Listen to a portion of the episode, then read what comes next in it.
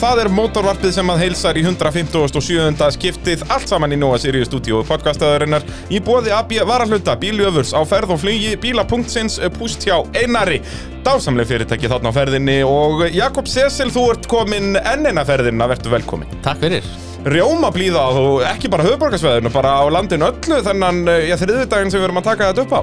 Já, ég bara, ég sá góða verið í Noregi og bara tókað með Já, Í þú varst dagsflugvilinni, það var nóg plás no pláss í flugvélni, þannig að þú komst með góðaverið. Já, Og ég þökkum við þér kærlega fyrir það, við þurftum á þessu að halda. já, bara ekki máli sko Það Já. er bara, það er bara vonað spurning hvað það endist lengi sko Já, en þú veist, Norðurlandið mun uh, þakka þér fyrir því að þú ert náttúrulega að fara á bíladaga núna, já, í dag, miðvíkudaginn basically, þessi Já. þáttu kemur út á miðvíkudagsmotni. Já, já, Þannig að, að það verður vonandi rjóma blíðan þar. já, já, rallycross og læti Ég segi það drift, rallycross, uh, spinnan náttúrulega, Já. driftið, sýningin, það er allir pakkin. Já, já, Það er svo leiðis. Uh, en í þessum þætti ætlum við hins vegar að tala um uh, torfaruna. Þú varst í, í Noregi, okkar maður á vettfangi já, og uh, já, hörku kefni. já, þetta var bara klassík norsk keppni Já. Bara virkilega gaman og spennandi Það er miklu meiri spenna finnst mér þegar að Íslendinga keppa við normenn sko Já, það er meir undir. sérstaklega út í Nóri sko, þá Já. er það svona maður er svona Íslendingu sko, maður vil að Íslendingar vinni sko.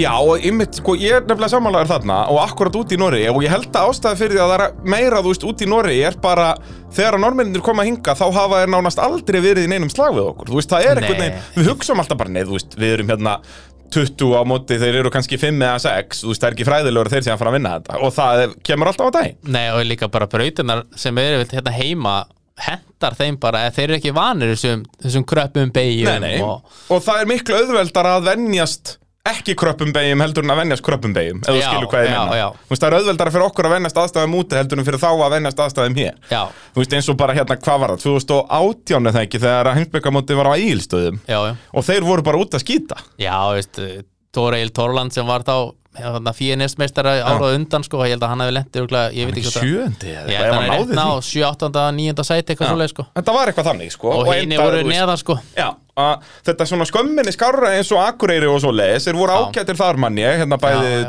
2012 og svo var það ekki 15 eða 14, nei 14 Já.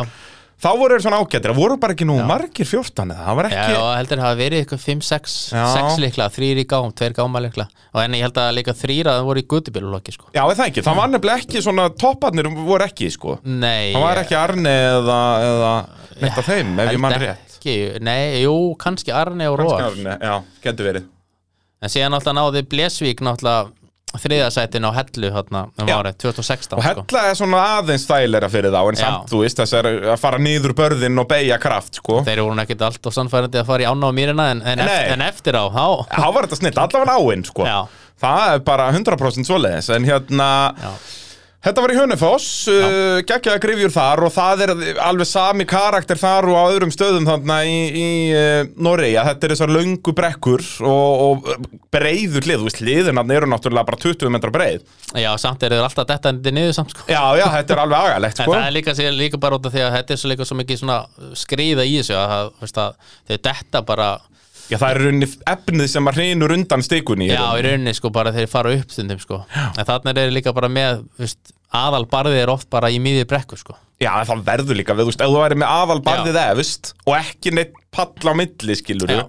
þá náttúrulega endar þetta bara í vitleysu. já, þetta er þetta hátt niður líka sko það var ein braut sem var bara bynt upp já, sko já, hérna á öðrum degi, það ekki, Jú. hérna hvaða braut var það? Það var braut tvö bara. Braut tvö á öðrum degi, akkurat, sem var svona, Það var bara hún beint upp, sko. þróaðist nefnilega skemmtilega, og Já. Mhm. það var þessi stallur í miðjunni, hann endaði á eittast frá, en lokabarðið endaði að vera erfiðara, Já. skilur, þú veist, eins og Þór og fleiri komast ekki að upp, þó Já. að fyrstum en var ekki skúli fyrstur í Jú, brautina. hann fór upp sko en þá sá maður líka greinilega mikinn mun á Íslendingum og normennum sko Já, að því að allir Íslendinganir þeir letu vaða já. en ég- og það var kannski bara tveir normenn heldur sem letu vara Og þá Ég- náttúrulega yfirleitt endar á að velta niður, sko. Já, og flestir en það bara letu bara máta eða fóru ekki svona í baði bara, Já. en síðan fóru allir íslendingarnir bara allir letu vaða og það fóru allir upp Ég fór eiginlega ekki bara allir upp nema Þór. Jó, Út af hann er og, það og aftalega. hérna, Grímur líka á ljónunu Já, akkurat Hann var akkurat. reyndar framalega reyndar Já. undan, eftir skúla samt sko sem fór fyrstur Já, Grímur náttúrulega komin, a, komin á ljónið Já. uh, Tók hafnafjörðin á því og, og núna orðið fagur svart í, í, í Noregi Mm. Já. Kekja að sjá ljónið aftur í brekkunum maður Já, bara geggjaði bíl sko Já, algjörlega. Og svo náttúrulega hafnafærakeppnin, uh, þar náttúrulega stærsta fréttin þar, skúli vinnur aftur. Já, Þannig að skúli kom með nokkuð gott fórskot í Íslandsmóndinu. Hvað er já ekki, 40 stig bara ég held, hvað er að, sleggjan í öðru? ég held að hún sé með Geðveikt. 20 og hvað 7 stig eða 3 stig maður ekki. Eitthvað svo leis. Að hérna, þannig að þetta er að líta vel út fyrir skúla Já, í Íslandsmóndinu. En hérna, já, förum til Norex, uh, eigum ekki að vinda okkur bara í fyrstu braut, eða þú tala kannski aðeins um þetta generali fyrst, þetta voru hvað, 12 Íslandingar? já Hvað, þú átti þetta ekki fyrst að vera 13? En ég, sko, Eða ég bara komist bara ekki 13 bílar í gáma, það er náttúrulega ótt að tala. Nei, það voru alltaf bara 12 sem fór í gám sko Mhm. Svo er nú einhver hann í Götubjörflokki sem er held ég reynda normaður en ég held hann sé nú eitthvað íslenskur held ég Hann Já, talaði alltaf hann hér- íslenskur, þessi Bjarni Nordal Já, já, akkurat, hérna var hann ekki á Lillegund Nei, hann Já, var ok. að hinum hinum lilli gutti eiginlega Já, já, akkurat, það er einhver íslenskar uh, tengingar þar, sko Já, hann var hérna Sigurjón Guðmarsson hann, Já, hann var akkurat. að keppa í gamla dag hann alltaf hérna smíðaði ég held að hann smíðaði nú líka s- sem Jónas Kall, eða þeir smíðaði hann eitthvað saman held ég Já, Hérna, sem er, hérna, hvað heitir hann það eftir var Lilli Gutt og Lilli Björun og eitthvað Já, hann- hérna Jónasi núna, hvað skýrði hann þegar hann kom til Íslands? Hérna, Ja, núna- Ruddinn, já. Já, það er ekki, Ruddin átti vist að vera vikingurinn Já, átt að vera vikingurinn og svo bara mætti hann aldrei til keppni Já. og þá var allt í hennu komin annar vikingur Já, já, yngvar tók þetta bara já, já, það er eina vitið Þannig að já, e en það voru 12 íslendingar 12 íslendingar, samtals hvað? 35, nei, nei, þetta endar nú bara hvað, í 25 bílum Já, svo voru náttúrulega normenn voru með ykkur að bíla sem að voru svo sett tveir aukumenn á sko Já, þetta eru sko 25 keppendur í sérútbúna og 5 í gödubíla, eða sérst sérútbúnum gödubílum. Já, Þannig að þetta voru 30 keppendur. já, það voru ykkurir Það voru einhver eh, hérna, sem að fjallu Þeir úr. voru tveir allan árum en svo voru með tvo okkumenn á sama bílnum Svo að uh, Jóakim Knudsen og, og hérna Gertana eða konan hans þarna Já, já, og hún Helena Bratin ok. og svo voru þeir tveir á hérna, Devil, Devil X bílnum Já, þannig að Ronny Eriksen og ég veit ekki hvað það hafi verið bróður hans eða þetta, eitthvað svo leis já það er uh, góð spurning. en uh, Og hvað, voru þetta mest allt normenn? Það er náttúrulega hann Erik Nilsson í svíi, já, það voru þrísvíjar það voru þessi þrýr svíjar og rest normenn eða og hvað. svo veit frá Sviss Nú, alveg rétt, já, ég sá svissneska fánan hann. Já, hann Hver var- er frá Sviss? það er hérna, þeir voru hérna á gamla Ugly Betty Já. hann Ah. var nú við með þetta keppa í skíin þegar þú fórst 2019 Já. þá var hann í guttubilhórnum sko Það er svoleiðis, býttu og manstu hvað hann heitir? Andy Kuhn Andy En Kuhn. segja, en hann kefti sér þetta á sunnudeginum og svo var annar sem heiti Urs Halter hann var á fyrirdeginum Já, já, já, já, já. þeir voru hérna frá Sviss Það er svoleiðis, býtu af hverju sé ég hann ekki hérna í, í röðinni Var hann í, í sérubúna göttubíla? nei, hann var í Sérbúna, hann var á gamla Ugly Betty í hérna bílnum Og heitir Andy Kuhn já, hann kef var á setni deginum Já, ég sé hann ekki hérna í Fía Nes Er þetta eitthvað fáralegt stegaskjál sem ég er með það? nei, nei, Hæ? þetta á að vera hann einhvers þar Þetta á að, hann var allavega að keppa, Já. það er til víst þeir voru sérst skipti bílnum, annar að kefta fyrirdegin og hinn setni degin Já, akkurat, akkurat Og þetta sérst Fía Nes mótið virkaði svoleiðis að það voru uh, sex brautir sikvaran daginn og, Já. og tólf brautir samtals í rauninni Þetta er bara, og heldar árangur í þessum tólf brautum ræður Fía Nes mótinu En svo náttúrulega voru þetta líka tvær fyrstu umferðirnar í norska mótinu Já. Af fjórum, síðan eru náttúrulega bara tvær í skíin í haust Já. Og það eru bara fjórar umferðir í mótinu sko. já, þarna er þetta bara eins og Íslandi 20 stig fyrir fyrsta og, Já, og hérna- 17 fyrir annað. já, þannig að þú gastur henni komið í góða stöðu í, í, í norska mótinu líka Já, og við bjögumst nú alveg við því, ég held að við höfum nú talað um það hérna í þættinum að, að þeir Íslendingar sem myndu ná góðum árangur í þessu myndu nú sennilega fara út í skíin í haust Já, og líka þegar maður sér keppandalistan þetta ég, eins og segi, ég kom mér ekkert á óvart hvernig þetta þróaðist, sko, með að við keppandalistan, sko Já, akkurat og, og eins og bara við sáum eftir á að það Íslendikarnir voru nú yfirleitt bara í öllum topp 10 sætunum líka Já, það var bara þessi svíi sem var eitthvað að þælast fyrir, fyrir okkur helvítið af honum sko.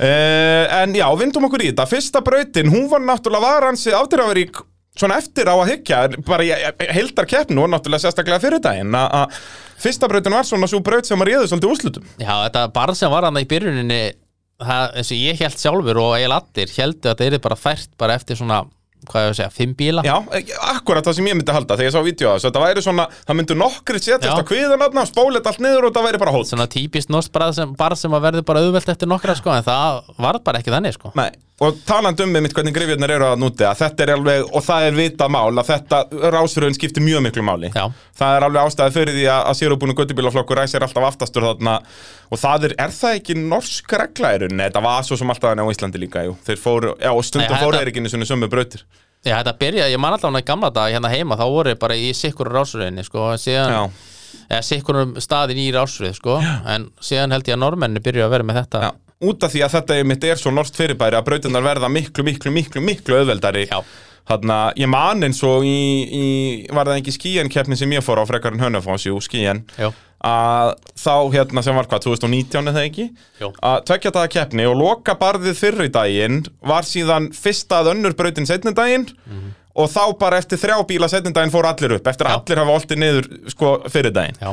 að, þannig að þetta eh, spólast mjög mikið til hérna hjá þeim, það er ótt að segja það e, kannski stærsta fréttin í þessari fyrstu braut, Haukur Veðar Einarsson hvað gerist hjá ríkjandi Íslandsmeistarann? Það er bara, hann fór bara, aðeins og bara virkaði ekki eitthvað hjá honum, hann, hann bara fór inn í pitt og svo bara var hann bara allt í einu bara á leik. Já, sást Bara- aldrei aftur Nei, bara velin farin og, Það er svoleiðis, og hvað, þetta er aftur Hannesast núna með þessa vél frá Ingo eða ekki, Jú. nýja vélin er ekki komin nei, að sem að rauninni hann hefur bara farið þessa eina keppni með sem var hellaði fyrra, hún Já. fer svo í mýrin hjá honum þar Já. og, og hún er ennþá út í bandaríkjónum í að vera að gera vena þar Þannig að nú er það hinn big blokkin sem var að að svingja hann já, hann talaði um allavega sem sagt, þegar hann velti stóruveltin á eigilstöðum í fyrra, þá hafa þetta svona byrjað Já, já, Þú veist, svo var náttúrulega kom hvað Akureyri og þá náða hann nú bara fínum árangri sko. svo var hann eitthvað smávesen í bandarækjunum Já.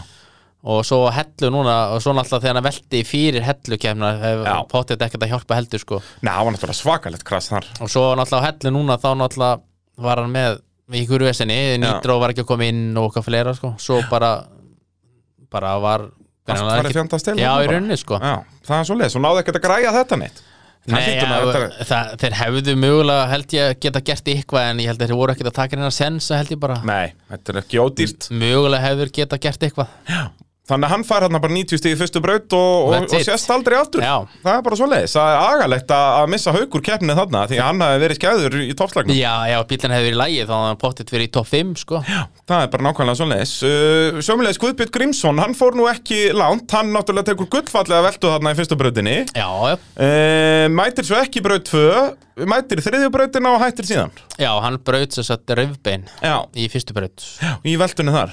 og hérna þá bara já, staðan þetta gott sko. en það kom bara annar raukumæður á hann Já, setjum og, daginn og það var ekkert til að skemma sjóið, sko. Nei. Það er óvænt að segja það. Já, Þannig að við fengum allan að vita að Katla virkar mjög vel Já, akkurat, akkurat, það var eh, Ingo Gutti sem að eh, mætti á köllina þarna setjandaginn og já, bara tölum betur en það á eftir, það var veistla, það er bara svo leiðis. Þá svona að toppslagnum, eh, þeir fara þarna upp, eh, Snorri Þór eh, fer þetta 330, Erik Nilsson Svíinn á 310 sem enda að vera að berjast á, á toppnum. Eh, Skúli. Skúli Kristjáns 330, Þór Þormar 330, Guðmundur Eliasson 310 eh, Andri Már Svensson sem endaði á að standa sem mjög vel setni daginn, hann fær bara 60 stig hann Já, hann, hérna, hann veldir einmitt í þessu barði fyrir hérna svona eitthvað svona, fli- eða svona lendir svona, svona. Svona Létt ballerinn og múf svona Já, kannski færi eitthvað góð einhvern í, í fimmleikamáli en, Já. hérna, en hann hérna var sko, síðan eins og Snorri var nefnilega mjög framalega sko, af þeim öllum sko. já, var, er hann ekki svona svo fyrsti sem verið upp hann fyrsta barði? já, Ingvar var fyrstur en Já. hann náði ekki sitta parinu sko. Já. og síðan kemur Snorri stundu setna og hann klárar þetta og síðan svona margir bestu menn fylgdi dóldi eftir sko. Og þetta er það sem við erum að tala um alltaf að munurinn á, Já. Mm. á góðum ökumunum og frábærum ökumunum þetta að vera góðir ökumenn eh, nýta sér ofta ásverðun til að, að keira konsistently og ná þar með eh, góðum úrslitum og Já. síðan þessir ökumenn sem hafa verið Íslandsmeistarar jafnvel oftar en einu sinni að við höfum séð þá gera nákvæmlega þetta að vera fyrstur til að fara upp einhver ákveðin börð já, og það er, þú veist, það er það sýnir bara hvað það vart góður unni þú Já. getur fara að klára brautir sama hvertir ásöðu alltaf sko. Ég segi það og þú veist þessir hérna skúli og haugur og snorri og allir þessir Já. kallar Þór Þormar, allt ökuminn sem hafa verið að gera þetta undanfarnar Mhm. og, og eins og ég segi, þetta bara er, er munnurinn á þeim frábæru og á þeim góðu já. e Þessi- Síðan, já, og það eru nú, já, það eru bara þessir sem að fara þarna upp Það Já. er bara Gummi Elias, Þór Þormar, Skúli, Erik Nilsson og Snorri Þór Ótnarsson. Já, svo voru menn alveg, ykkur komist yfir barðið en þeir bara, svo eitt, ég man eftir einu tegum normenn, þeir bara mátuð í setnabarðið sko.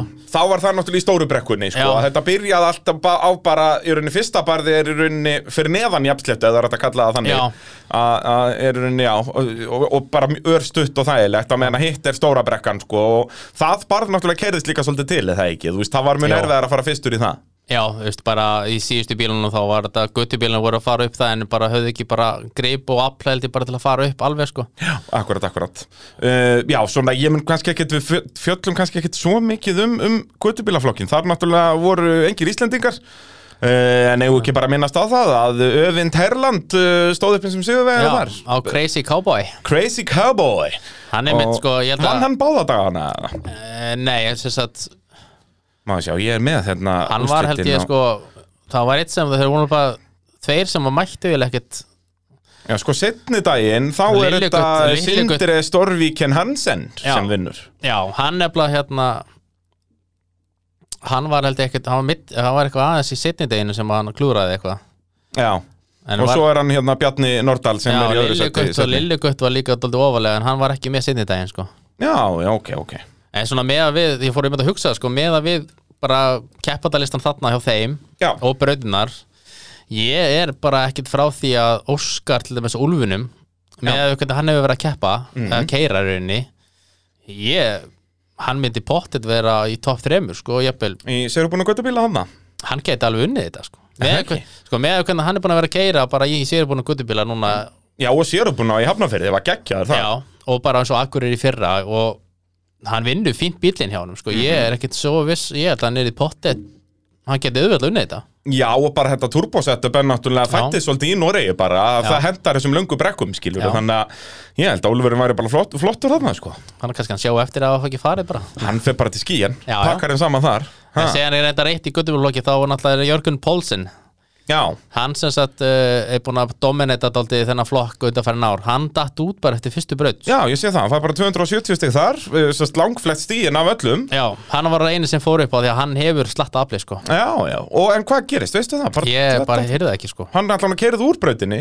Já, Já. og svo bara sást hann ekkert aftur sko Ok Og hann hefði pottið unnið þetta held ég að bílinn hefði verið lægi allan Menn, Hann tíman var sko komið með 100 stiga fórskott bara eftir Já, fyrstu braut, sko Og hann er bara með langbesta bílinn held ég í þessum flokki sko Uh, en aftur í að, að sérubunafloknum uh, Náttúrulega Ingvar Jóhannesson sem endaði að vera í toppslagnum hann þennan uh, fyrsta dag, hann fer ekki þarna upp Nei. sérst setna bara, hann kemst upp fyrra eða Já, ekki hann var svo fyrsti sem fór upp fyrsta barið held ég sko Já, akkurat, uh, en bara of Síðan, bratt hitt. síðan svona gerði hann svo rauninni setna barið svona aðeins auðvaldra fyrir hinna sko Já, og það var auðvaldra eftir sem fleiri fóru sko akkurat, akkurat uh, Þannig að, uh, já, kannski áður en við förum í aðra brautina vil ég endilega minna á uh, dásamlegt fyrirtæki, á ferð og flýi ef að þau þurfið að uh, flytja eitthvað landsvotnana á milli, þá aðalega bifreiðar eða, eða landbúnaðatæki eða báta eða hvað sem er, að uh, þá eru á ferð og flýi fólkið í það uh, eru mikið að keira milli Akureyrar og Reykjavíkur en keira eins og segja landsvotnana á milli, þannig bara svo leiðis uh,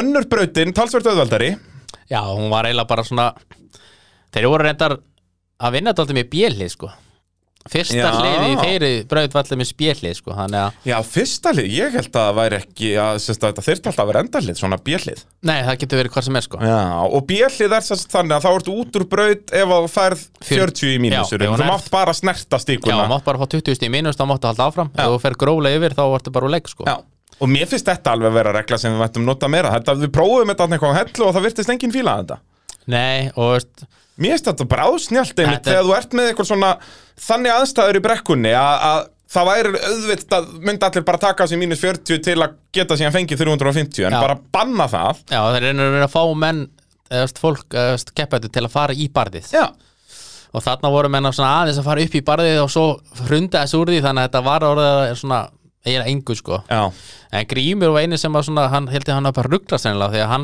hann hefði auðvitað geta farið upp í hliðarattan, hann bara eins og hann var búin að ákvæða þetta bara einhvern veginn og gleyma þessu sko. Já, ok Að þá var hann dæmdur úr leik sko, eða dæmdur úr braut Já, sko. hann fær hann bara 90 stygg, Já, Grimur Helgusson Þannig að, eh, en flestir voru að fara þetta allavega upp sko, ég held að það var já, hérna, af þessum í topp, toppslagnum það, þetta var tannig sitt alltaf auðvelt sko, þetta var samt orðið aðeins erfiðar undir lokin sko. Já, Þetta er náttúrulega sama barð og var síðan setna, í þriðjubreytinni sama lokapar sko Já, er sama lokabarði í annar og þriðju Já, og þá voru menn aðeins færðin að velta þar til dæmis svo Þór og svona í setnabarinu sko sett í þriðjubreyt sko Já. en það var hérna norsku í gæðin hann að Fredrik Dössur Röningen Mm. hann velti þarna líka og hann- allt allt sem verið tann bíla hann er sko með sætið hínum einn sko. Já, hann er hérna á gula kortrengnum Já, basically já. Þetta er fyrsti norski kortrengurinn Já, uh, En er, er hann með, af breskum uppruna eða hvað er að frétta þar? Af hverju er hann með sætið öfum megin? Eh. Nei, eh, sko, hann, ég talaði við hann eitthvað, hann talaði um að hann var eitthvað svona í, eitthvað í millikassa eða eitthvað sem er þarna, verður að vera þarna, ég veit ekki af hverju Já, það er svoleiðis, þetta er bara hönnunarlega séð verður hann að vera þarna megin Já, en hann er að vinna eitthvað í því að breyta þessu eitthvað, en ég spurði hann Þetta samt er vel skrítið sko, Ég- setja hægra megin Ég spurði hann samt hvort þetta trublaði hann eitthvað þegar hann er að keira og hann sagði, nei, Nei, þú veist, og ég held að sé alveg þannig þú veist að, að maður finnur það þegar þú ert búin að vera í Breitlandi skilur að þú venst þessu á nok- nokkrum klukkutímum já, já, ég, það er samt svo skrítið að sjá hann alltaf já, já, Já, en maður ég horfir á held, þú veist, eins og í torfæru út af því að þetta er hvað sem er allt, allt öðru í seldur en að kera bíl já, já, já. þá af hverju ekki bara hafa það þannig bara að, að, þannig að tryggja heilaðinn í það bara að vera, heyrðu, ok, við erum að fara að gera eitthvað allt, allt öðru seldur en að kera fólksbílin Já. þannig að setjum bara hinum einn, þú veist ég held að þetta hægja honum ekki neitt Nei, sko. nei, nei, ég held að þetta bara venst mjög fljótlega Svo Já. eru sumir sem eru sko Sumir eru vinstra með, sumir eru bara alveg í miðjunni sko Það var náttúrulega alltaf frækt hérna í gamla daga, skilur, Já. að vera að smíða mjóubílana, það er svolítið Já. dögt í dag, sko, Já. og síðan meira sem eins og Sigur Þóri Jónsson var með breiðan bíl en satt samt í miðjun á honum, Já, já, að- sem var alltaf mjög spes, já en hérna, þannig að eins og sé, Ég held að þetta háið nú ekkert neitt en þetta var, hann var samt svona Þetta er bara skrítið að sjá þetta. En hann einmitt var ekki með sittindaginn og ég heldur eiginlega bara, veist mi- ykkur normenn voru í vissinni sko Já. Ég heldur eiginlega að þeim vantuðu bara íslenska aðstóramenn sko Já, það er svolítið, þetta var allt svolítið, ég er endar upplifið það líka þegar ég verið þarna, að Ég- þetta er allt voðalega að chilla þjá þeim. Ég get lofaði því að ef hefði verið svona tveir, þrýr Íslendingar í ykkur af þessum Liðum. sko Það hefur örugglega allir bílarnir náttúrulega farið í ykkur einustu braut sko Já. bara, veist, Bara græðið þetta. þetta Og var þú veist, svona ég, við höfum hirt þessar sögur hérna þegar ég er að fá kempurnar hérna í spjall til mín, skilur, Sigur Þór Jónsson og Já, alla þess að já. kalla, Danni, Þönder og þessir, þegar þeir tala um það þegar þeir fara út, Já. að þetta er yfirleitt, sko, stundum þurfa Íslendingandir bara að fara til þeirra og segja, bara, rífið ykkur í gang. Já, Þú veist, eins og Aron ekki gerir þetta hann Já. talaði við, hérna, var hérna við Lillemæ, hérna, Selina Gröning stelpan hérna sem er í guttibjörnum Mhm. það var, held, ég held að það hafi verið driftskaft eða eitthvað, ég man, eða það var eitthvað, ég mann hvað það var Já. og hans, þau sögust að hafa glemt auka dæminu heima Já. og hann sagði, Aron sagði bara, okkur sjóði ekki bara þetta tvenn saman, þetta, þetta og þetta, Já. setja svo saman Og bara græðið þetta. og þau alveg, já já, svona Icelandic way Já, þú veist, Það veist- þetta er einhvern veginn svona bara norska mentality eða, Já. hérna, er bara þetta, þetta er einhvern veginn, þetta á bara alltaf að vera svo mikið vesen eitthvað, þetta Já. er automatist hugsaði bara, æ, þetta er bilað eitthvað, Já, já, og í hún staðin hafði- fyrir bara strákar græðum þetta já, já Þú veist, það er bara gott dæmi eins og með þeirra insane í bandaríkjunum velti, skilur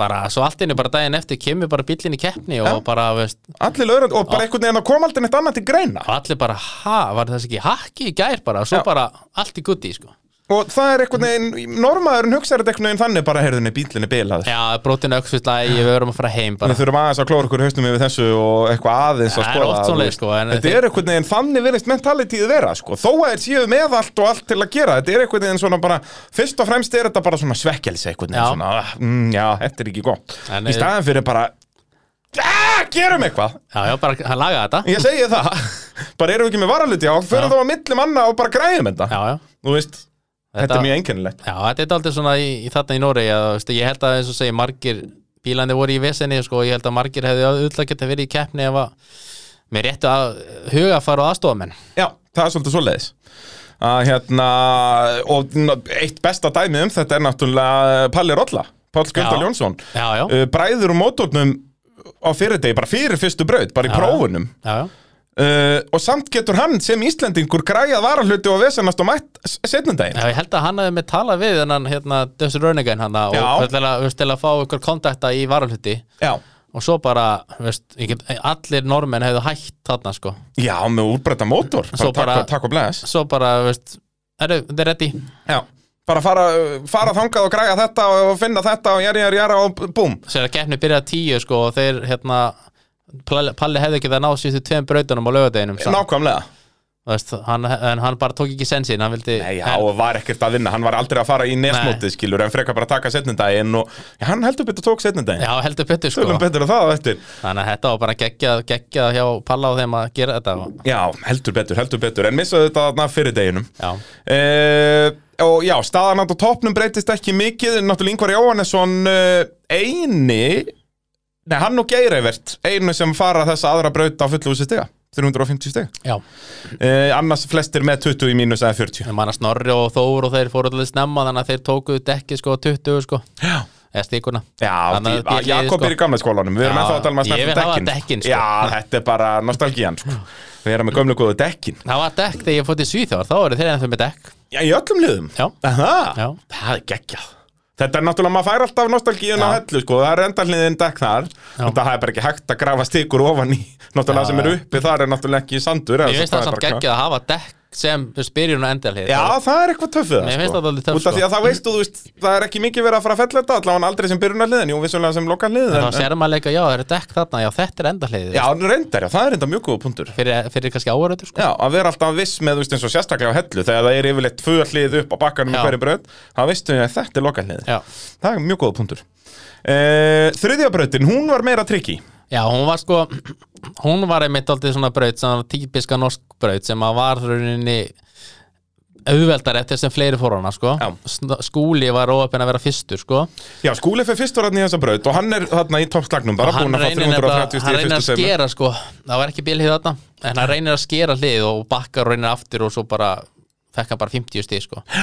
og síðan kemur sko, komum fullt af normenn og þeir reyna ekkert eitthvað rosalega og svo kemur Andri og hann reynir fer ekki upp en hann samt svona sýn- Sannar að þetta sé hægt já, og síðan, síðan þegar ég sá hann þá hugsaði ég ok, ef að skúli hefði látið vaða þá held ég hann hafði mögulega farið hann upp sko. Já, akkurat, akkurat Og, og hérna einmitt, uh, hann, uh, hvað var það ekki, Andri já, að hann einmitt fer í miðjuna svolítið á hliðin, já, hann er ekkert að fer- skera já, þetta já, neitt. ferurinn er bara bynt í miðjuna Já. sko. og fer næstum því upp og svo hann gerir brautina kannski svona aðeins auðveldara ég held að svíin komi mjög fljótlega eftir honum sko. Já, og hann fer upp sko. Erik Nilsson já, og hérna þannig að, að eftirleikunum var auðveldur fyrir þá sem komið þar á eftir en náttúrulega Snorri Þór, þarna tapar hann 100 stegum á, á restina já hann, ég veit ekki hvað mér fannst eitthvað eins og að- hann var svona eins og hann náði ekki að réttu stefnun alltaf eins og hann var alltaf að missa bílinn eitthvað aðeins eins og hann náði aldrei þessari stefnu til að bara láta vaða sko. annars hefði hann flóið hann upp sko. Já, og Þór reyndar lendir í ykkur smá vesinni lendir að, að langt til hægri sko. já, og bakkar svo bara og svo reynir hann aftur þá er bara, hann var bara svo með lítlum hraða og bílinn hendir sér bara aftur fyrir sér sko það er eins og við höfum oft séð það er að vanta hraðan að Já. þá vilja þér fara þá aftur aftur fyrir henni sig sko. bara leið og hann lendi í brekkunni þá bara beint aftur fyrir sig og þegar hraðið var bara ekki nóg mikill sko. Nei, nei, þá er afturhjólinn ennþá að snúast í rauninni til að fara upp á barð verður að vera búin að hægja á þeirra komin á bremsuna Já. þegar að framhjólinn eru komin í barðið í rauninni en þarna tók svíin, þarna tók hann fórhustuna eiginlega sko. Já, þarna tekur hann 100 stegu af 110 stegum með þess af Snorra Þór og, Já. og er komin upp í fyrsta sætið með þarna 310 í fyrstu, 330 og svo 350 fullt ús í, í þriðjubröndinni. ég heldur með þess að Geirivert hann sko, hann fer í fyrir lokabæri hann bara hittir ekki á hliði, hann stekkur hann þetta er vinstri sko. Já, akkurat. Og það var alveg svaka, svaka stökk. já, og ég var heppin að, að- að lendi ekki í rauninni fram af sko, Já. og velta niður sko. Út að hann er komin það langt til vinstri, eða ekki? Já. Hann fer hægra megin í það og stekkur til Já, vinstri, já. Mhm. Að, hérna, en er heppin að lenda upp á brúninni. að, hérna, þannig að það munaði um það. Uh, en síðan náttúrulega fjórðabröti tímabröð og þar tekur Snorri í rauninni nánast öll þessi steg tilbaka aftur af Erik Nilsson. já, ég, ég var einmitt að reikna það ekki að sko, að Snorri náttúrulega vinnur Já, fær 350 steg Eða- í, eða í, Eh, satt. já, í heildarkennina. Eitarinn sem að kannski flesti vita Já, já. en hérna Erik, hann tók sko 140 stig af Erik Nilsson bara í tímabröðunum tveimur sko. Já.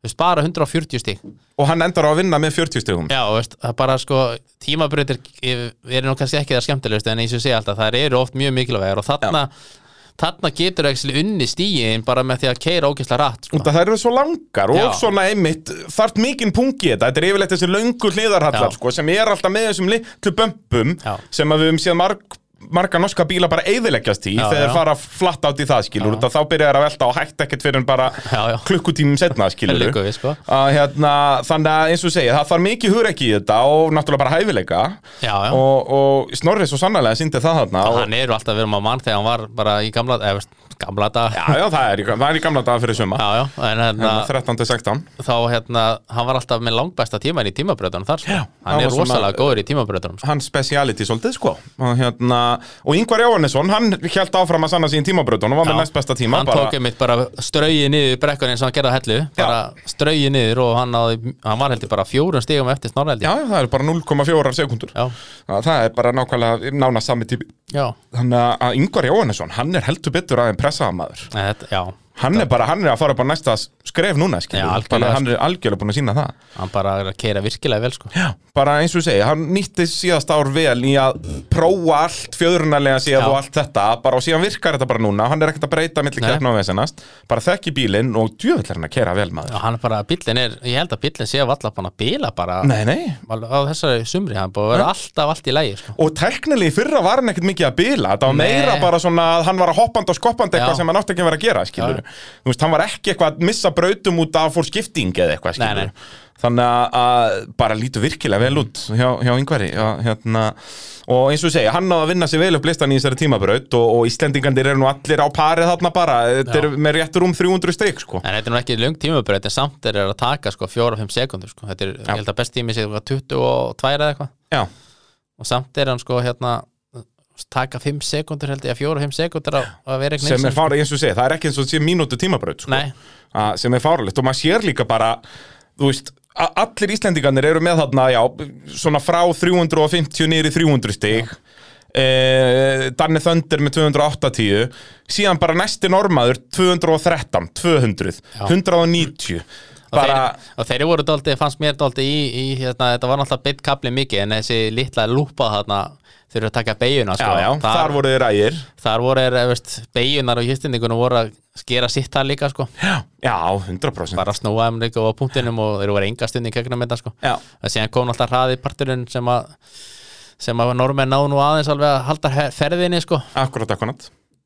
en maður sá bara mikinn mun á Íslandingum þarna og þeim, þeim sko. Já, það er uh, nákvæmlega svo leiðis uh, uh, Mótorvarpið að sálsögðu í uh, huggulegu samstarfi við uh, bílapunktinn og uh, bíljöfur uh, Bílapunktur er náttúrulega eins og ég hef tekið fram í, í síðustu þáttum að- að eðilegja allar umferð á Íslandi það vilja allir svo mikið komast í bílapunktinn og ég get nú sagt þér sögu, Jakob minn að ég var í umferðinu um daginn uh, eldri kona á ljósum hliðin á mér og það er að rjúkur bílum hjá henni og hún er í útslætti bara er í hlutlausum og bara rit, rit, rit, rit, rit, og rýkur alveg úr bílum og allt í steg og ég held bara að gamla konan væri að fá hjartafallið eitthvað, ég stekk út úr bílum og, og banki eitthvað, "Það er ekki allt í lagi og eitthvað og hún bara, jú, jú, jú, ég bara tók alla olíuna og vatnið af bílnum og, og ætla að standa hann í botni hérna og ég bara, hvað er þetta eitthvað, er hún eitthvað snældu vitlaus eða? Já, nei, þeir eru bara svo dásalegi feðgarnir þarna í bíljöfur, ég vil bara fara með bílinn þanga, ætla að bræða úr draslinu og láta það að gera við það, þeir eru svo indislegir alveg. Þannig að þetta er bara, þetta er farið að hafa áhrif líka á hvernig já. fólk er að haga sér með bara, sko, að- að hugsa um bílana Já, sína. sko. þetta er að vera stór hættur sko. Það er ekki nóg með að fólk vil klessa á í umferðinu að það eru alveg, eins og ég segi, bara dreina olíun af og er í tómu rugli, sko. Hún vildi bara hitta hlaðver og, og baldur. Hún sagði þeir eru svo dásamlegir þessi fekkar. Ég reyndar braut síðan í henni hjartað og segði að hlaðver væri farin til Tenerife. no, no. Já, já, já, þannig að, að, að en þá sagði hún, já, ég fekk nú allavega að hitta hann baldur minn. Já, já. Já, já, það var alveg indislegt Já, að, já. að, að þannig að, að dásamna þjónusta hjá þessum fyrirtækjum og hvetjum Heldur alla betur. til, a, til að skella sér, það er nú bara svo leiðis. E, fjórðu og fymtu brautindar, e, nú var ég ekki á staðnum en að að horfa á stigaskjölin, e, þetta eru há skor, Já, 15 og 17 mennur fymta og sjötta Já, segja, 15 breytin sko, 15 breytin var náttúrulega þannig að ég heldur að fært hliði sko Normennu voru svo þreytir á sig á einhvern veginn, þetta tók svo langan tíma og Já, reynda fyrsti dagurinn tók djúsist tíma, þetta Já. gekk nú aðeins betur setnið eða það ekki.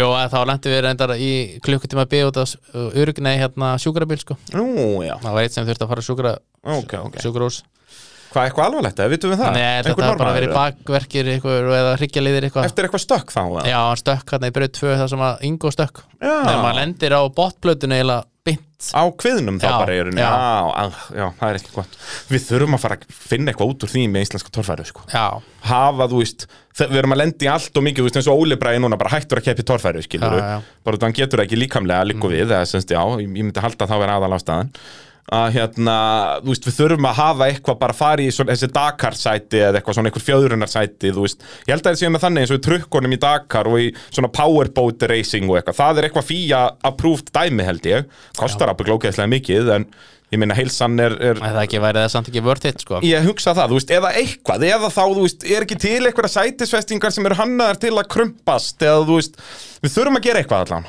það Já. er, þetta gengur ekki lengur, sko Þetta bara er þetta, alveg þetta er leiðilegt alltaf að að- verða stærri og stærri stökk og, og Já, þú já. veist þannig að, já, það er vonandi að ykkur er þarna sem eru með meira vit en ég geta farið að skoða þetta eitthvað Já, en, en já, aftur að, já. að fymtubröðinni Þessi blessaða fymtabraut, hún sem sagt held ég að átt að vera sko hliðið raun átt að vera ofar og það er alveg endur mjög erfiðar að bara fyrsta bar sko En það færðist neðar hann að flestir fóru að þetta sko akkurat, akkurat, þeir gera bröðina bara auðveldari í rauninni. Já, raunni, þeir runni það sem að, hvað er ekki, raut og hægri, jú? rautt og Rauðastengan fór raunni það sem guðlastengan var og guðlastengan fór neðar, sko. já, akkurat, akkurat Sem að, veist, og það er þá fyrsta hindrunin í rauninu Já. og svo var enda barðið ekki neitt neitt er svo skemmtilega við það, svona leðilega við það, sko. Erik Nilsson var fyrstur, sko.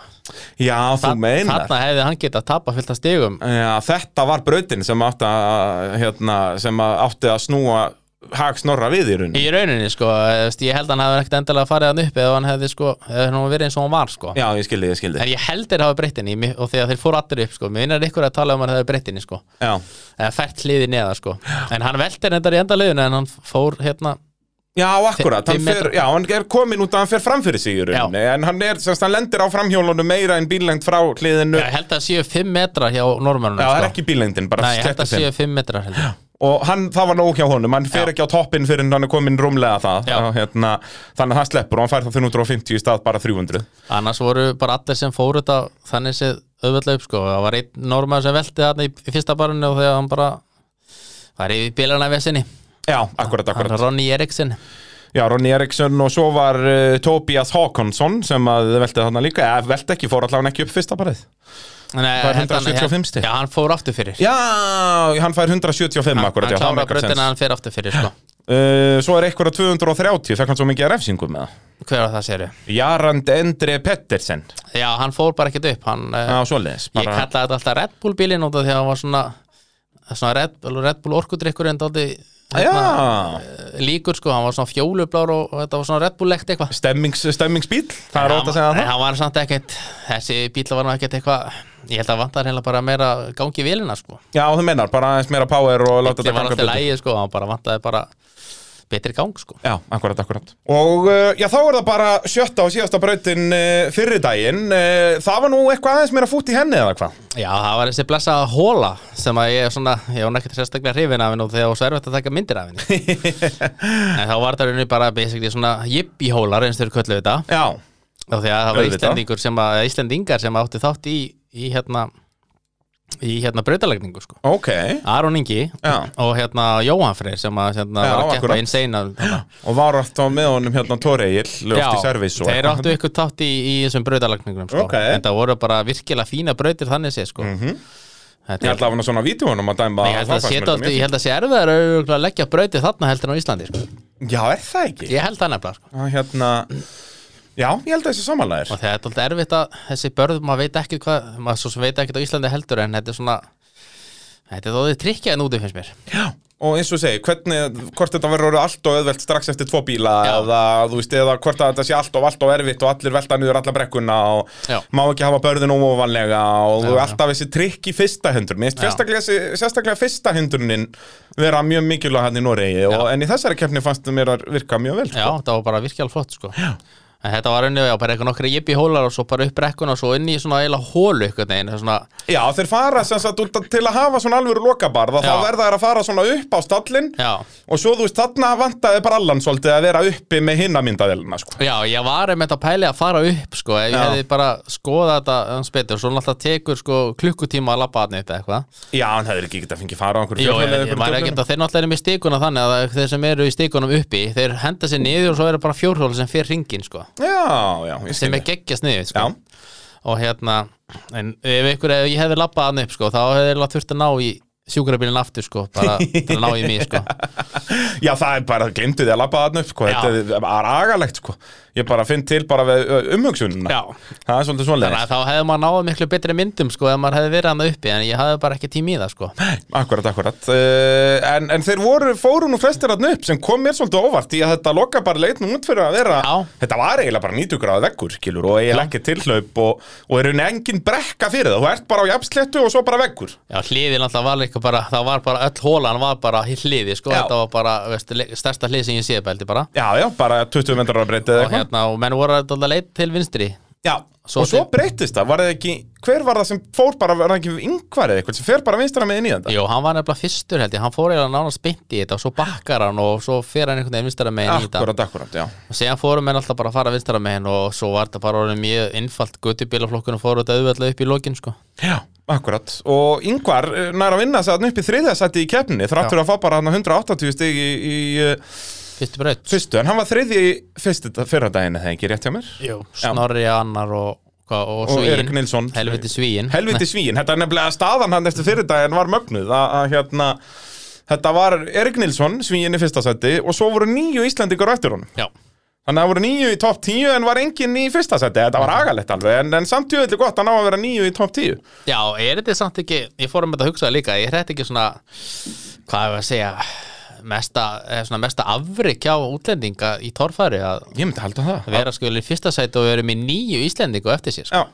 Já, á, á erlendir grund, sko, Já. fyrir það báða, náttúrulega hann er svíin, náttúrulega hann, Já. hann er ekki. Þannig að Martin Mikkelsen alltaf vann hérna 2015 svo sem vann snorra sko. Já, það var rosa drama þar í Já. lokabröndinni En, maður. það, en þar var meira svona, það voru, alveg, það voru normenn góðir þar þannig séð, veist, Já, og, en, og Íslendinga voru fínir þarna voru eiginlega bara að senda þetta er eiginlega bara mesta landslið Ísland sem við sendi held ég bara já, algjörlega, og það er í rauninni bara, var það ekki í rauninni bara Grímur Helgusson, nei, endaði Grímur í tíunda. já held það Já, út að það eru í rauninni bara Það voru í rauninni allir nýju kepp, íslensku keppindunni sem voru í keppninni voru í topp 10 Já, Haukur og Palli voru hérna Og- og Bubbi. Og Bubbi, já Já, þannig að þú veist, af þessum 12 þá Já. voru bara nýju eftir og þeir Já. voru allir í, Já. í topp 10 Já. þú veist, þeim er sturlað sko. Já, af geggjað, sko. þarna 30 keppindum sko. Já, þannig að það er eins og þú segir, við vorum svo sannarlega með okkar sterkasta landslega að núndi já það er óvænt að segja það Þannig að planið setjum daginn var að koma þessum svíja í byrtu Já, Mér var að, svo sem þegar ég var á staðnum, mér var alveg sama hver gerða bara ykkur Íslendingu myndi að fara upp fyrir hann sko já, en já það gengur ekki að mæta þarna og vera með nýju íslendingu eftir svíja sko. af Því ég var búin að segja við marga bara fyrirfram að við verðum í topp 5 Já, Veist, við erum meira Já, já, bara þess að þá ertu að tala um að allir Við erum með fimm Íslendinga í topp fimm sætunum Já, bara báða dagana bara, Já, já. og, og neðst náttúrulega líka sko. En þú veist, ég, Jókim Knudsen var svona þessi gæði sem ég held að gæti En þegar náttúrulega voru tvö á bílnum þá Já. hugsaði ég nei En ég bjóst hennilega bara ekki við þessu hjá honum sko. Nei, hjá frá Erik Nilsson, hann, þú veist, þetta er ekki nafn sem maður þekkir ég, Hann alltaf smíðaði raptorinn sko. Já, þetta er hann, Já, þetta er sá Hérna sem að hann, jú, þá þekki ég en hann hann hefur ekkert Ég held að þetta hefur örugglega verið besti ára Ég held að hann aldrei unni keppni held ég sko. Jú, vann hann ekki hann í skíin Nei, þá 2019 var þeir voru tveir á bílnum eða, þú veist, Þeir voru tveir sem smíðu hann held ég rauninni okay. Já, Þessi- það var hinn Þannig að þarna Jimmy Berggren- Jimmy Berggren, alveg rétt, jú Hann nefnilega vann Alveg sko. rétt, já, Erik Nilsson var ekkert að standa sig Hann var held ég okkur um öðrum bíl sko. Hann er mikið að smíða bíla held ég Já, bara, hann og- elskar hann, ég mælu með síðun hans á Já. Facebook, heitir bara Erik Nilsson Skandinavian Já, Offroad eða eitthvað Skandinavian Offroad eitthvað að hérna, út að það er fullt af juicy staffi þar og svona smíðamyndum og skemmtilegheldum sko. Uh, förum þá yfir í dag 2 uh, sjöunda brautin Mhm. uh, í heildarkeppni, fyrsta brautin þar þar erum við að heldur betur að sjá áhugavert skor hjá, hjá fremstu mönnum Já, og líka þar sko var hérna fyrsta barði, Ingvar var óöppin að vera fyrstur já, hann fær bara 90 stig svo kemur Ingo eftir honum og hann hérna fer í miðjun á barðinu svo honum eininu leið bara Já. og hann nefnilega gerir brautina daldið svona einfaldra fyrir hinna og Býtu, það er þetta brautin sem var hann bara beint upp nei, það er Nei, bara þetta það var, er þriðja þetta brautin, var barðið þarna, smá barð sem að Ingo, hann fleygur upp, flýgur upp Alveg rétt, já, já, og svo já. áttur að halda áfram í hliðarallan já Og svo er hann ekkert endabar, það er bara hliðarhalli og svo bara upp brekku Já, eftir miðjarhliðið var gallin fannst mér þetta við brautana var það að sem sagt, sem sagt, e, brautar hérna, hvað segir maður, afmörkunin já. hún var bara niðri, sko Þú veist, Já, þú máttir gast- ekki fara þarna niður en hún var ekki hægra megin, þú veist, þegar menn voru bara að fara hægra megin og skera Já, jú, Og svo alveg upp. rétt, ég man eftir þessu núna já. Al, Hérna, Erik Nílsson gerði það einmitt Komst vissulega ekki Nei, hann upp. velti nefnilega, sko Hann velti, en fó- ferið mitt þarna bara í næsta sveitafjallag og, Já, En næri ekki að láka, það, láta það hanga sko. og þá einmitt, sko, einmitt Þór Þórma þegar hann fór í brautina, þá sem sagt, var hann rauðflaggar fyrir að fara á landil hægri Nú, já en það voru mistök, hann, hann fekk að fara aftur bara strax Já, og þegar þegar var satt, uh, það er vittlust eða eh, mistök í rauðflaggi já, já Það er Þannig hann nefnilega- fær annan séns já, ég hefði frekar vel að hafa ámörkuna hinum megin eða satt, snúið sér við, þannig að ámörkuna væri til hægri en ekki niðri sko. Já, auðvitað Og og mikil þegar snorrið ferurinn bara beint í barðið og fer ekki upp, en þetta Nei. lúka er nefnilega dálítið erfitt barð sko. Já, það hefði verið gaman að sjá það Ég mitt gera þetta eins og Snorri var að reyna Já, að gera þetta já, En ekki, út að síðan náttúrulega enda allir að fara bara lengst hægra begin og að skera taka bara stikuna angan og 20 eða upp, 40 sko. Já Og, og en fyrir viki er þarna slagurinn á topnum að sko Snorri Þór fær 190 tapar 40 stegum Eirik Nilsson sem fær 230 Já. Ingvar Jóhannesson bara 90 uh, en svo koma þér þarna eh, Skúli Kristján, Þór Þormar, uh, Guðmundur Eliasson og, og fleiri og fleiri Geirivert og, og, og Andri Már uh, allir með 350 fyrir lengt uh, vissulega Andri Már með 60 í mínus fær 290 maður svona fagnaði innst inni þegar maður sá svíjan velta sko. Já það er ekki, auðvitað Það er nefnilega gaman við þetta, maður er svo íslendingur aðna maður Já. er alltaf bara svona komin nema bara svona inn, innst inni sko. Þetta er eina skiptið sem þú ert á tórfæru og virkilega heldur með einhverjum Já, í rauninni, Þú sko veist, út á Íslandsmóndinu þá ert ekki inninu liði þannig séð Nei, nei Uh, sem að náttúrulega gerir þetta aðeins þurrara sko. Já. en þess vegna er þetta svo kemdilegt að vera En að þú þú- heldur náttúrulega ekkert menninum ákveðnum Íslending Nei, bara Íslendingum ykkur, almennt Mér er alveg sama hver Íslendingur vinnur, bara ykkur vinnur Já. og þá er út af torfara náttúrulega verið þúsundsunni skemmtilegur þannig eins og Já. allar íþróttir bara Já. þú verður að hafa ykkur til að halda með Já. og þá að gegja þeim mitt bara, heyrðu, þetta er útlendingur og við vona hann veldi Já. Þú veist, það er snill Já. Æ, Þannig, ég get, já, ég mynda mér að þetta sé svolítið skemmtilegt fyrir þig hérna. Það er, það er ótt að segja það. E, við erum að sjálfstöðu í huggulegu samstarfi hér við AB Varahluti. Ef ykkur vantar einhverjar bílavörur að þá kikið bara upp í AB Varahluti. Gott fólk, þið þekkið þetta. Það, það þarf ekkert að ræða það neitt nánar. Og svo náttúrulega ef þið eru vandrað með pústið í bílnum ykkar. Þá er púst hjá Einari. Okkar eh, allra besta pústvestaði þarna á smiðuveginum. Frábær þjónust og þar eh, og hafa mikið verið að hjálpa fólki í íslensku motorsporti. Þannig ef að þú ert líka með eitthvað, já, mó- einhverja motorsport græi og þarf að láta smíða pústið í það, að þá eru þeir elvar og, og einar eh, miklir sénjar í þessu og, og græja allt sem fyrir þig sem þú vilt. Þannig að um að gera kíkja upp í púst hjá Einari. Uh, önnur brautin, uh, áttunda brautin samtals, uh, þar er allir með 350, nánast. Það var bara Þór Þormar sem að velti þarna niður, þetta er þarna beint upp eða ekki. Jó. Og þá einmitt var hérna sem sagt uh, Óivind Svensson Þú heldur um að góður í norskunni maður Heldur betur. En hérna hann sem sagt lenti á spítala Hann sem sagt fór að upp og svo þá var alveg klukkt með bið Þá átti Snorri eftir að fara og Þór Þormar sko Já. og þegar Þór Þormar, nei Snorri fer undan og hann fer hægra megin í það Já. og fer upp svo það dettur rosalega mikið úr barðinu þegar Snor- Snorri fer Já. og Þór var eitthvað búin að ákveða að fara líka nei, hann var búin að ákveða að fara vinstra megin Já.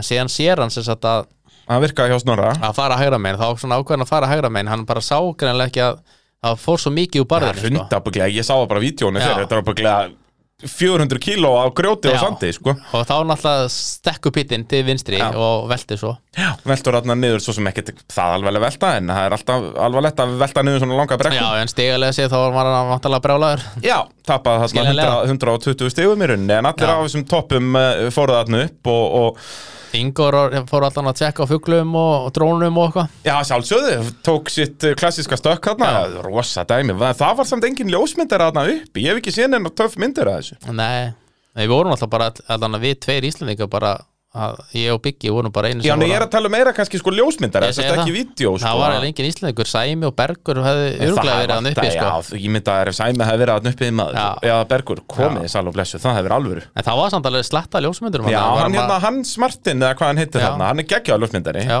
og mikið, af mjög flottum myndum frá honum uh, uh, þannig að maður hefur séð eitthvað en það hefur verið geggjað bara ef ykkur hefði verið hann uppið að náðið með Já. ljósmyndaði þessu sko, hann upp í hálóftónum Já, En uh, þarna er Páll Jónsson kom með fullt úr stiga úr fyrstu tveimur bröðunum Já. og hjælt uppteknum hætti í þriðju bröð já þriðja brautin var líka daldið, hún var e, e, svona típiska norska braut, hún var fyrstu tveiri bílarni veltu Já. Svo- Ég held að það hafi verið Tobias Hawkinson Já, Eh, Tobias Eh, Nei, það var Hawkinson Simon Blum held ég En Geirivert, veltur hann hann? Nei, hann endur nefnilega í barðinu hann bara, þetta er svo skrítið hvernig, hann- hvernig hann lendir bara, hann fer bara upp á afturhjólun svo bara allt innur hrinur hann niður Alveg rétt, já, eitthvað sem ég hef aldrei séð sleggjun að gera þessar Nei, nýjastir. þetta var mjög skrítið sko Þetta var bara einhvern veginn eins og hann var á allt öðrum bíl eitthvað Ég hef aldrei síðan að bíl fara svona aftur fyrir sig Já, Bara, og ég er í náttum ekkert á hvað gerist þarna sko Út Nei, að já. hann hraðin var alveg fín já, já, bara einhvern veginn bara, ég veit ekki hvað þetta var Þetta var bara, eitthvað Hvort voða að skrítið fá eitthvað högg bara undir framhásinguna Já. eitthvað sem drepur bara allt momentumið Þannig að hann byrjar að spóla aftur Já. Og eins og segja, fer bara svona þetta Svona klassíska bara torfara 97 velta sko Að fara já. svona aftur fyrir sig, maður er eiginlega hættur að segja þetta í dag Nei, hann velti náttúrulega ekki sko Nei, en svona, hann fer, Hann- þetta drepur allt momentumið skilur hann, hann, hann missir að brautinu eða eftir hann bara úr hérna- Já, leik brautinu bara, uh, svona eins og ég segi, mjög einkennilegt það einhvern sé að fóru þetta allir á 350 Andri fór fyrstur sem kláraði raunni veginn. Já, það fór í hliðarhallan og ég held reyndar að þessi hliðarhalli yrði erfiðari sko af því að þetta var svona þú veist, hólótt sko en síðan bara en þeir bara masteruðu þetta, það er allir þarna, bara topp já, já, top 7 ökumennindir farið allir á 350 já, og, og, náttúrulega- og þá er ég að sjá sko, topp 7 heildarkeppninu, svo eru líka þarna Palli og, og Jörgen Hörland og ég veit ekki hvað og hvað já, þegar hann er Jörgen Herlandi farin að fá 350 stíð þá Já, þá er þetta, þá er þetta orðið auðvelt sko. Hæ, hann er ekkert að hlusta, við mögum drullið yfir hann Það er líka góða við svona keppnir, við getum drullið yfir keppindur hér já, já, Það er að segja erleitu keppindunum Já, sko. já. Þú veist, maður þorir ekkert, maður veit að allir íslensku, kepp- íslensku keppindunum er að hlusta já, já þeir eru náttúrulega allir frábærar um Þeir voru helgina þetta sko. ásamlegir sko. Að, Nei, maður svona bara gaggrínir þá sko, en maður er aldrei að segja eitthvað tjöðla palli glataður, þú veist, já, eitthvað ég svona man að Bessi var alltaf mikið að vinna með þetta og hérna, Já. og, og, hérna þegar hann er að lýsa keppnunum sko. Já, já, bara ó, sökkar svo mikið Þú veit að var þetta lélegt hjá þér maður sko. uh, Þannig að já, flest erlir þarna með 350 hvað, þetta var þriðja brautin, já, Já, svo kom Eh, tímabröðin Tímabrautin, það var aftur fjórða braut hjá þeim En þá var sem sagt eh, sama tímabröð á deginum undan nefnið snýrinni við Já, keirð sama, þetta er svona eigilstaðanstemming Já, að hérna, fara sömu brautin í öf og átt og þar held Snorri þár uppteknum hætti frá því í fyrirdaginn og græðir hérna 59 stig á um, Erik Nilsson en svo þegar Ingo fyrir þess að tímabröð bara lætin í þessu, ég bara þegar ég sá þetta bara, veist, hvað er í gangi hjá honum sko, bara, Já. maður hugsa oft hvað er í gangi í haustum bara þegar hann er að keira svona veist, þetta, þetta er svo styrta flott bara hvernig hann er að keira þetta Já, Þetta er bara það er allt út um allt og bara svo allt einu er, þótt þessi allt í ríki þá bara ennþá er hann að sta- standa bílinn bara já, sko. já, og maður heyrir bara já, já. Svo Bara- allt einu kemur hann úr ríkinu og stekkur þetta bara í einhvern vendamarki sko. hann er geggjaður, sko, hann líka á, á köllunni, þetta er bara match made in heaven sko. Það er sko kostunum við þetta allt saman að núna held ég að, að hann er alltaf með batterun ennþá í sig sko og þarna, Já, þarna hlýtur eitthvað að gesta og vera að eitthvað sko. vekja, vekja upp eitthvað dímun þarna, sko Þarna kemur sko Ingo með bíl næsta sumar sko Já, er það ekki, er það Ég ekki bara vona það. staðfest Ég held að, ég vona það, ég held að hann sé að hann eitthvað að plana það Þeir eru allan að byrja sko, að smíða, þau eru farin að smíða köllur þarna á færibandi, já, bara já. hendi eina, hendi einni á, á Ingo, þetta er ekki flókið mál Já, já, Þannig að hvað sem er eftir að smíða framhásingarnar undir þetta allt saman að þá um að gera að smíða eitt bíl fyrir hann í staðin já, já Þetta er ekki flókið uh, En já, uh, Snorri eh, sem sagt, heldur áfram þá að uh, Býtu, hvernig var staðan á myndlega þeirra þarna? Þarna er Snorri ennþá á eftir Já, Nei, er hann ekki komin á undan eftir tímabrautina út af þann tapar síðan hundrastegum í já, næstu já, klár, eh, í næst síðustu, já Þannig að þarna er hann komin á undan Erik Nilsson Já, í heildarkeppni, loksins, loksins mm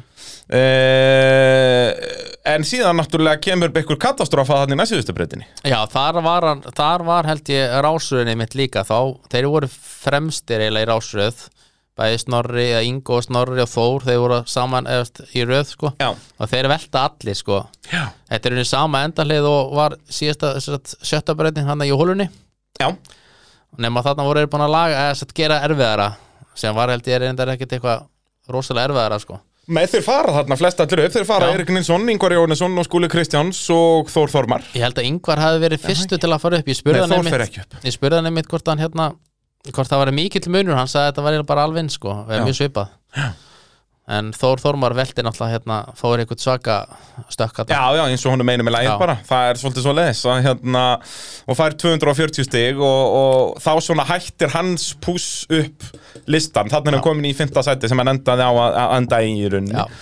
Eh, og já, Guðmundur Eliasson fer heldur ekki þarna upp Eh, Nei, hann, þarna var, eh, Guðmundur Eliasson var held ég bara í toppáráttunni allavega í, í, jafnvel í nes allavega hann á setjendeginu Alltaf hann að setna daginn en hann braut öxul þarna í, í, í þessari braut sko. Já, og fyrir viki endar hann í ha. sjötta seti og náttúrulega fer ekki upp í lokabröndinni Nei, heldur Ná, hérna, hann var í fínni stöðu allavega í Norrismótinu í setjendegin sko. en hann var held ég alveg samt alveg í eitthvað fymta sæti í, í fyrir fyrirdæmi minni mig þannig að hann var svona hann átti eitthvað smá möguleika ef hann hefði færið upp sko, þá hafði hann kannski gett sett eitthvað að pressu sko. Já Uh, og náttúrulega Andri Már Svensson hann er í toppslagnum hérna, hann setninda en hann fer þetta á 340 stegum Já, uh, algjörlega geggjaður uh, Geirivert Grímsson, hann fór endalega allir sjansar fyrir hann, að hann fer ekki þannig Nei, hann velti mitt þarna mjög svona klaufalega því að Já. það voru allir að fara hann upp einhvern veginn og það- þetta var eiginlega bara þurfti eiginlega bara rétt svo að gefa í þá varstu búin að stökku upp á einhvern veginn en kannski hann gaf of mikið í, ég veit það ekki Já, já, eitthvað var það hann fór alltaf hann aftur fyrir sig þarna Já, að hérna, en já, fer ekki, ekki upp uh, Þannig að, eh, en já, Páll Jónsson fer hann upp á 350 stegum uh, Svo er komið að lokabrautinu og hún náttúrulega þróaðist hansi mikið Já, hún var svona sko ég er nefnilega vissi ekki að ég held nefnilega sko að þeir þyrfti að fara að hanga hann í hliðarallanum sko Já, en það var ekki, þeir máttu fara upp og niður alveg Já. eins og þeir vildu, sko og þegar sko Þetta er samkvæmt það sem ég þól ekki við samkvæmt norska brautina. teikningu sko, þá áttur raunin að fara að ég held bara meðfram bakkanum, það var tilgangurinn sko Já, meðfram bakkanum Þarna og taka efst. svo beiguna og beinti upp sko Já. en síðan fór snor, nei, það var eitthvað einn á undanum held ég, nei, Ingo var fyrstu og svo Snorri Snorri fór niður fyrir, það er einlega mátti Já.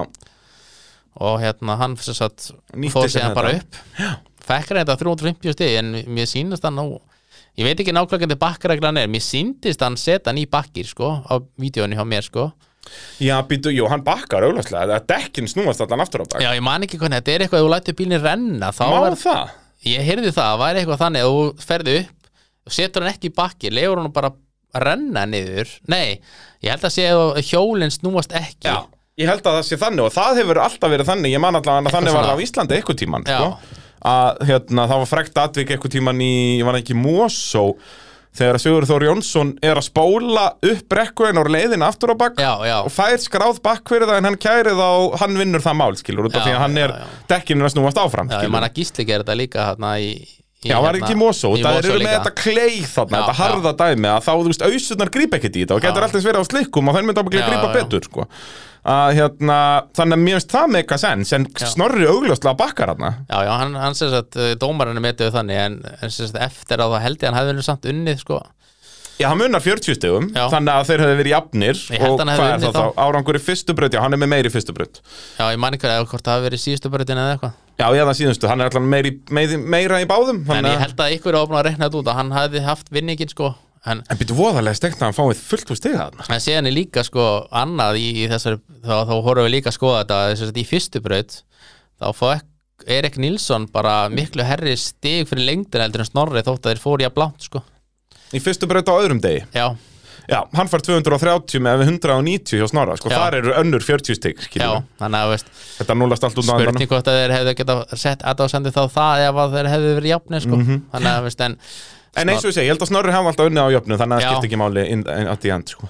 en mér stand það eiginlega magnað ég held að, ég held að Snorri sé nú veist, þetta er kannski ekki endur á þannig að unni þá var þetta held ég ekkert hans besta keppni þannig séð Nei, svona sérstaklega kannski ekki setna dagur En, En- svona, en jú, svona- bara heilt yfir sko. en, það, samt sko en ég held að hann Erik Nilsson hafi bara eigin sinni bestu keppni forever og samt veist Og tapar samt fyrir Snorra í sko. rauninni sko En þú veist, og eins og ég segi, það er fullt af Íslandingum annað sem að helling inni Þú Já, veist, skil- Skúli og Geirivert Gerivert og- og, og þessir að bara að eins og ég segi að við erum að sjá þarna á velunapalli setnudaginn eru tveir ökumenn sem voru að ná sínum fyrsta velunapalli Já. það segir svolítið um sko hvað vantaði upp á okkar Já. toppökumenn með fullri virðingu fyrir náttúrulega andra og, og palla skilur já, já. en ég minna ég er bara að segja það eins og Þetta er þeir bara- þetta var fyrsti velunapallur þeirra Já, já, þetta er alltaf bara frábært að þeir séu líka bara komnir inn í þetta Herðu, já, og bara tölum núna um það Páll Skjóldal Jónsson Já, Hann far fullt úr stiga úr 5 af 6 brautum, það er bara tímabrautum og hann far 303 stig þar já, Því líkur árangur það var bara geggjað sko Það var bara, heldur betur Og ánæður í hvaðan, lokin sko. hvaðan kom þetta?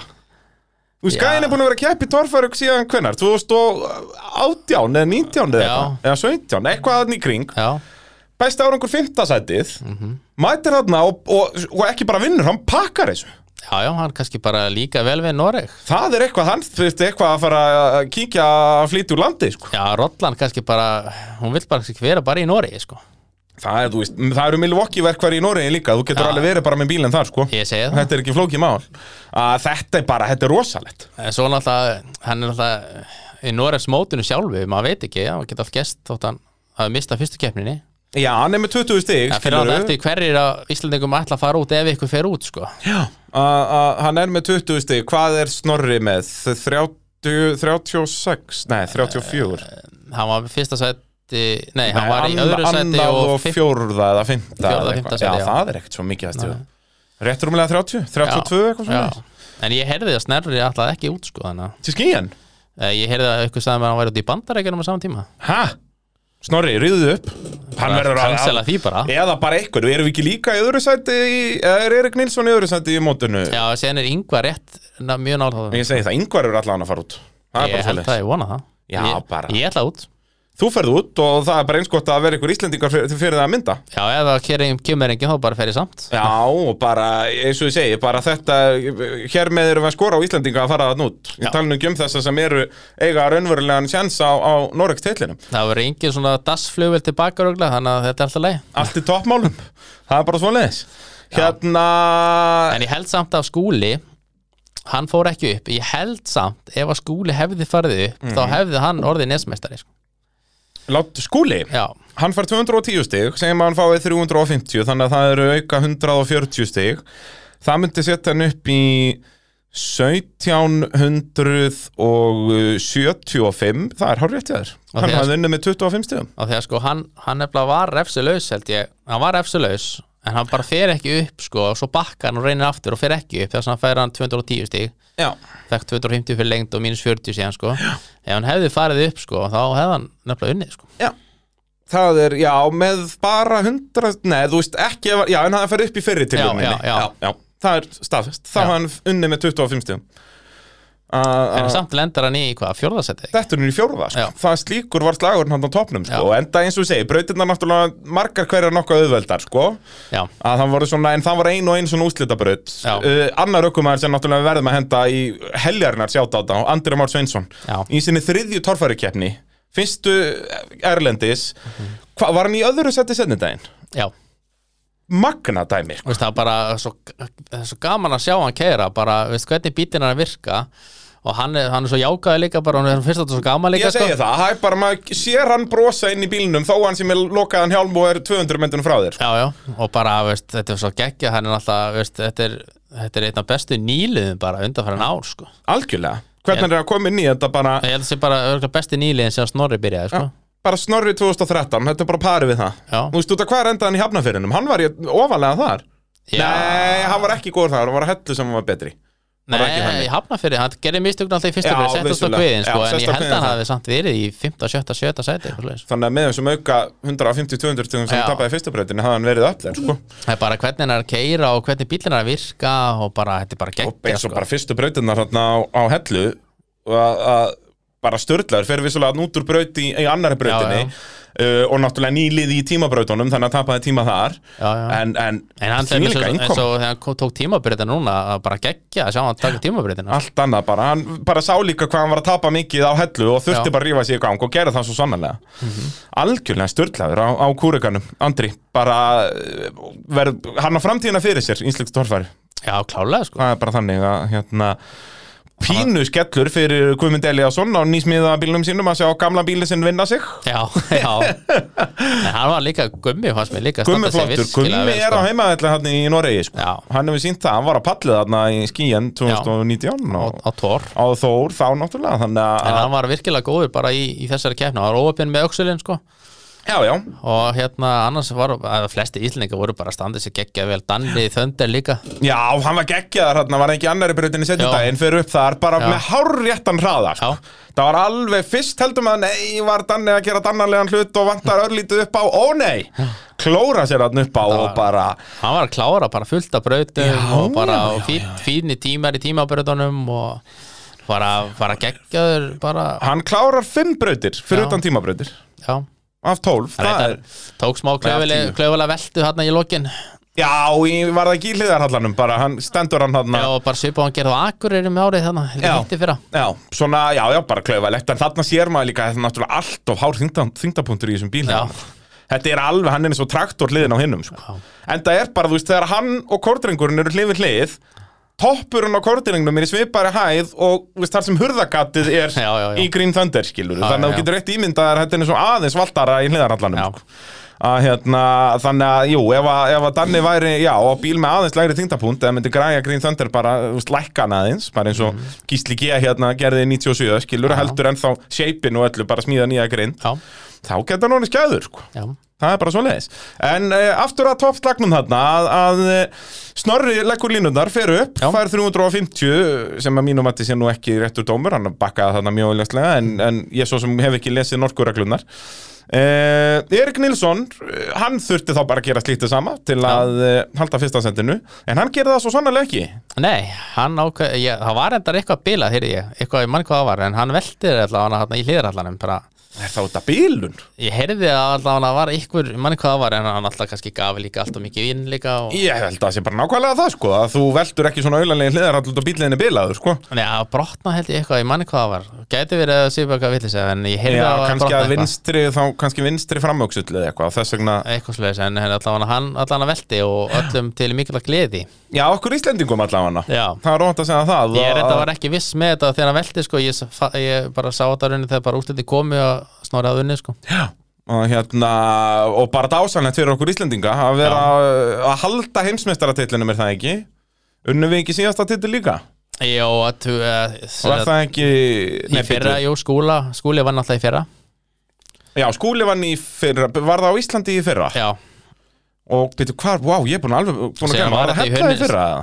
nei, Akureyri Hann var akureyri í fyrra, alveg rétt, já, já og svo var á undan Hönufoss þess að 2021, þá voru engin íslendinga með þá var náttúrulega var COVID eitthvað og Já 2020 var ekki neitt og svo var náttúrulega skúli Skúli 2019 í Hönufoss en hann Þannig að- búin að taka þetta tvisvar náði ekki núna og eins og segi var hálsbreytt frá því, þarna endaði fjórði Mhm. mm í heldarstöðinu var Ingvar Jóhannesson í, í þriðasetti magnaðar árangur í honum a- að ná í byggar þarna í, í heimsbe- heimsmeistaramóti það Mhm. er, það er hægt að kalla þetta það þetta jafngildir heimsmeistaramóti og hérna og já, alls ekki landa á eftir þeim fyrstu En ég náði allan að þegar að, sko, útliti komi sko, þá ákveði ég að reyna að fela mig sko, ef þeir eh, skildu reyna að finna eitthvað á snorra sko, dómaranir sko. eins og í Íslandi sko, þá reyna alltaf að finna mig sko, en ég ákveði að fela já, mig fyrir, bara, já, algjörlega fyrir norsku dómarunum Já, maður veit aldrei hvað það sem betur fyrir var þetta þarna hana svíi sko, en ekki, Já, ekki já. heimamaður sko, að- maður veit aldrei hvað þeir gera þar En séðan var eitt sem að Jói talaði við mig um sko, að væri sniðut í þessari keppni í þessu nesk móti að vera satt, með dómara frá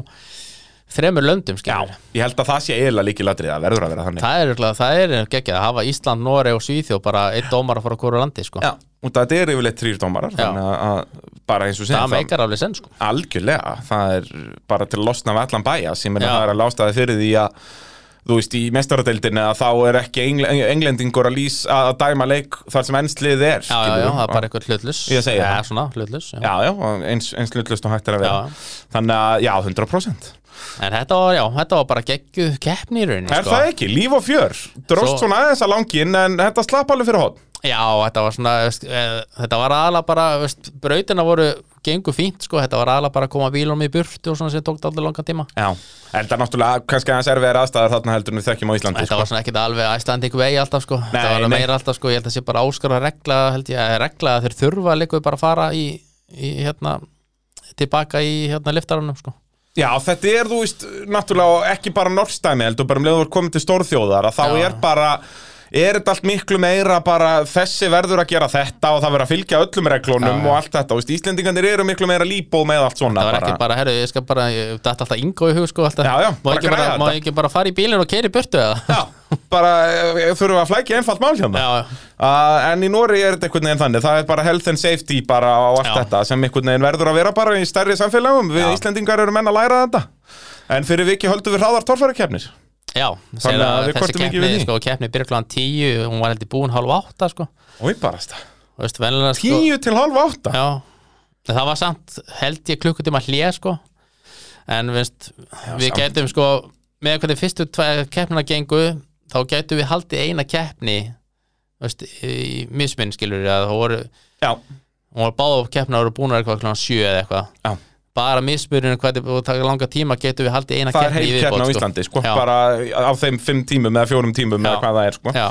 það er bara leikandi þannig að- að þeir mættu rífa sig að sig í gang hvað þetta var En þetta verður ekkert svona í skíin eða nokkuð Nei, nei, er það ekki, bara rjóma blíða og allir lögrandi léttir Það er alltaf á sunnudeginu og þá þarf hann að byrja okkur eitt út af því að það er messa Já, það er allir í kirkju, sko, Já. við verðum að passa að það að, þá sem mega er bí- samt magnað að, þú veist, er, Íslendingar við erum kristintrúað Já. officially, en við erum ekkert að velta okkur upp úr svona hlutum Nei, ná getum ég myndi að við getum ekki sett bílinn í gang fyrir en klukkan eitt eða Já, eitthvað á það keppnum væri- eða- það verið agalett og þó það er svo sem bara við varum samt búnir bara um fimm leitið, sko Já, já Það þetta er, þetta er ekki Alltaf flókið næsta mál. keppn á eigilstöðum þá, þá er það svo leis Já, 100 pjá, það er bara það Já, er ekki, eiginstæðar hafa stundum verið að byrja eitt, er það ekki?